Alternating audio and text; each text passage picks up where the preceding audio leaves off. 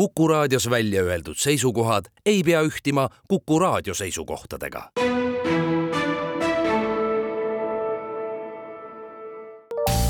terviseks. saade valmib koostöös Ida-Tallinna Keskhaiglaga. vaata ka itk.ee tere, head Kuku kuulajad, eetris on saade Terviseks ja me räägime täna emakakaelavähist ja selle varajase avastamise tähtsusest. mina olen Ingela Virkus ja koos minuga on stuudios Ida-Tallinna Keskhaigla naiste nõuandla osakonna juhataja ja naistearst doktor Külli Erlang, tere! tere!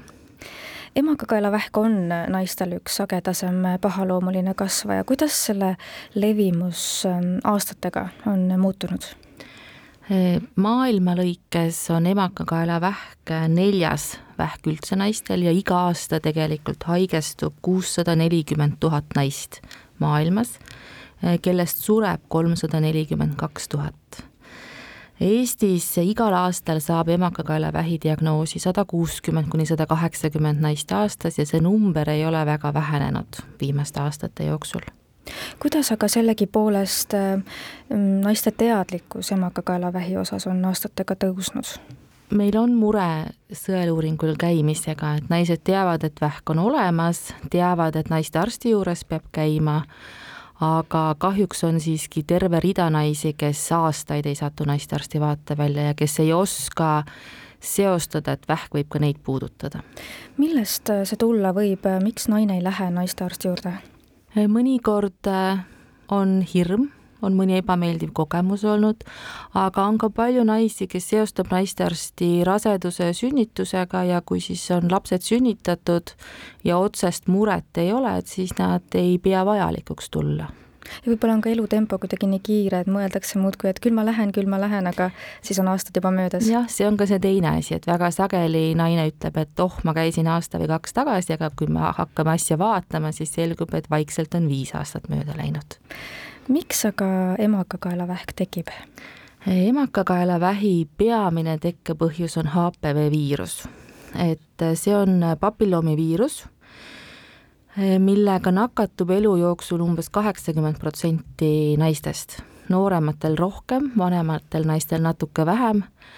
Õnneks enamik naisi paraneb sellest viirusest iseseisvalt, et äh, nad on mõni aeg viiruse kandjad, aga siis see viirus kehast kaob. kas see võib siis olla niimoodi, et naine ise ei pruugigi üldse teada, et äh, tema organismis see viirus on? just, väga sageli naine ei tea seda ja kuna me teame, et noortel naistel, eriti alla kolmekümneaastastel naistel esineb viirust palju, aga nad enamasti tervenevad, ega siis nendel kõigil ka spetsiaalselt ei otsita seda viirust mis hetkel see siis aga juba vähi võib tekitada? kui nüüd äh, naine jääb HPV kandjaks, ehk see viirus on naise kehas aastaid ja ta on püsivalt seal, siis võib ta ühel hetkel hakata tekitama emakakaelarakkudes muutuseid, mis siis väga aeglaselt võivad need muutused järjest süveneda ja siis ühel hetkel viia emakakaelavähini. Need muutused on reeglina tõesti väga-väga aeglased, nii et vähi tekkeks kulub kuus, seitse, kümme aastat ja me räägime küll emakakaelavähist ja naistest peamiselt, aga see HPV viirus võib ju ka meestel esineda ja samamoodi ka meestel vähki tekitada. ja HPV viirust on meestel ka, et on umbes kolmkümmend tüüpi HPV-d, mis siis nakatavad genitaalpiirkonna rakke ja mehed ka kannavad viirust ja naised ja mehed teineteist siis nakatavad selle viirusega, et meestel ei ole vähk nii sagedasti HPV-st kui naistel emakakaelavähk aga on ikka. Kuidas HPV vaktsiiniga on, et see aitab ju emakakaelavähi teket äh, ennetada? kas ja. meil kasutatakse, tehakse neid vaktsiine? et HPV vaktsiin on tegelikult olemas juba kümme rohkem aastat ja alates kaks tuhat kaheksateist on ta ka riiklikus immuniseerimiskavas, ehk siis äh, tüdrukuid vanuses kaksteist kuni neliteist vaktsineeritakse koolis HPV kandluse vastu. ta on ülimalt tõhus ta pakub kaitset üheksa tüve eest ja need üheksa tüve põhjustavad suurema osa nendest emakakaelal tekkivatest muutustest. On hästi talutav väheste kõrvaltoimetega vaktsiin, aga ka naised, kes ei ole saanud kooli ajal vaktsiini, tegelikult äh, saavad seda ise teha. siis on ta küll tasuline, aga vaktsineerimiskabinettides saab iga naine omal soovil teha seda vaktsiini.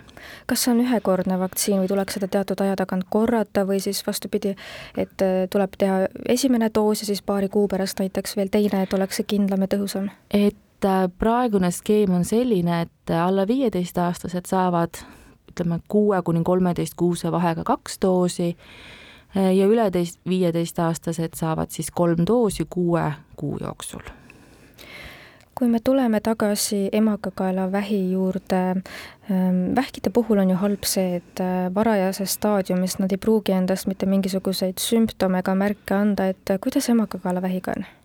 Emakakalavähk on ka kahjuks üks selline vähk, millel ei ole väga varases staadiumis mingisuguseid äh, inimesele hoiatusmärke. et ka need vähieelsed seisundid, kus need muutused on, aga ei ole veel tegemist vähiga, inimene ise ei tunne midagi. varajase emakakaelavähi puhul midagi ei saa aru ise, on ainult testi vaja teha. kui nüüd äh, see vähk Äh, kasvab ja areneb ja läheb suuremaks, et siis kõige esimene, kõige sagedasem on veritsus.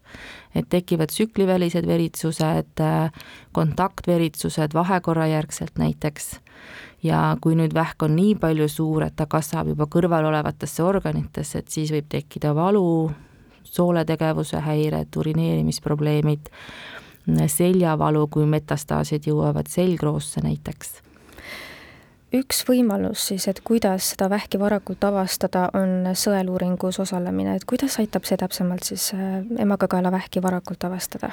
et sõeluuringu mõte on see, et äh, võetakse emakakaela pealt rakutest, äh, erinevates riikides natuke erinevalt, Eestis aastal kaks tuhat kakskümmend üks me nüüd võtame seda HPV viirust ja hindame, kui viirus on negatiivne, siis ei saa muutuseid tekkida. kui viirus on positiivne, siis jääb naine jälgimise alla erineva skeemi järgi ja mõte on see, et me saame siis, me leiame üles need emakakaela vähieelsed seisundid, et me ei diagnoosigi mitte vähki, vaid neid eelseid muutuseid ja kui on näha jälgimise ajal, et need muutused süvenevad ja see, nad ei parane iseseisvalt ära, siis me saame ravida juba selles staadiumis, enne kui vähk üldse tekkida saab ja et kui näiteks siis naisel tõesti avastataksegi mingisugused muutused, see ei tähenda veel, et see on halvaloomuline kasvaja? ei, see ongi eesmärk, et me leiaksime üles need muutused enne, kui vähk üldse areneb ja siis, siis on vaja jälgimist kuidas see kõik täpsemalt käib, et äh, kes on näiteks oodatud sõeluuringutele, et see on ju teatud aja tagant äh, teatud vanuserühmadele, äh, mis eluaastast alates ja, ja mis siis edasi saab, kui naine on selle kutse saanud, mida ta tegema peaks? meie sõeluuring Eestis on suunatud naistele vanuses kolmkümmend kuni kuuskümmend viis. naine saab kutse iga viie aasta tagant, ehk siis kõik need aastad, kui on nulli ja viiega lõppev sünnipäev, kolmkümmend, kolmkümmend viis, nelikümmend, tuleb kutse. kutse tuleb äh, koostöös Tervisekassa ja, ja vähisõeluuringute registri, tuleb meili peale reeglina ja see meiliaadress võetakse eesti.ee portaalist, et seal peaks olema siis õige meiliaadress. kui seal ei ole ühtegi kontaktandmeid, siis tuleb see postiga, postiaadressile, eeldusel, et see on õige. aga mis on hästi oluline, on see, et kutset ei pea ootama kui naine teab, et tal on see nulli või viiega lõppev aasta, siis ta võib ise pöörduda tervishoiuasutuse poole ja tegelikult tuleb siis leida omale mugav ja sobiv ja kodulähedane kas siis tervisekeskus, kus ämmaemandad võtavad analüüsi, või siis mõni naistekliinik või polikliinik, kuhu siis broneeritakse aeg emakakaela vähisõeluuringule. reeglina on see ämmaemanda vastuvõtuaeg ja kui nüüd see aeg on broneeritud, naine tuleb kohale, siis emaka kaelalt võetakse väikse harjakesega analüüs. valutu, lihtne ja kiire. kui selles analüüsis on HPV negatiivne, siis naine saab vastuse, et viirust ei ole ja järgmine kutse tuleb viie aasta pärast.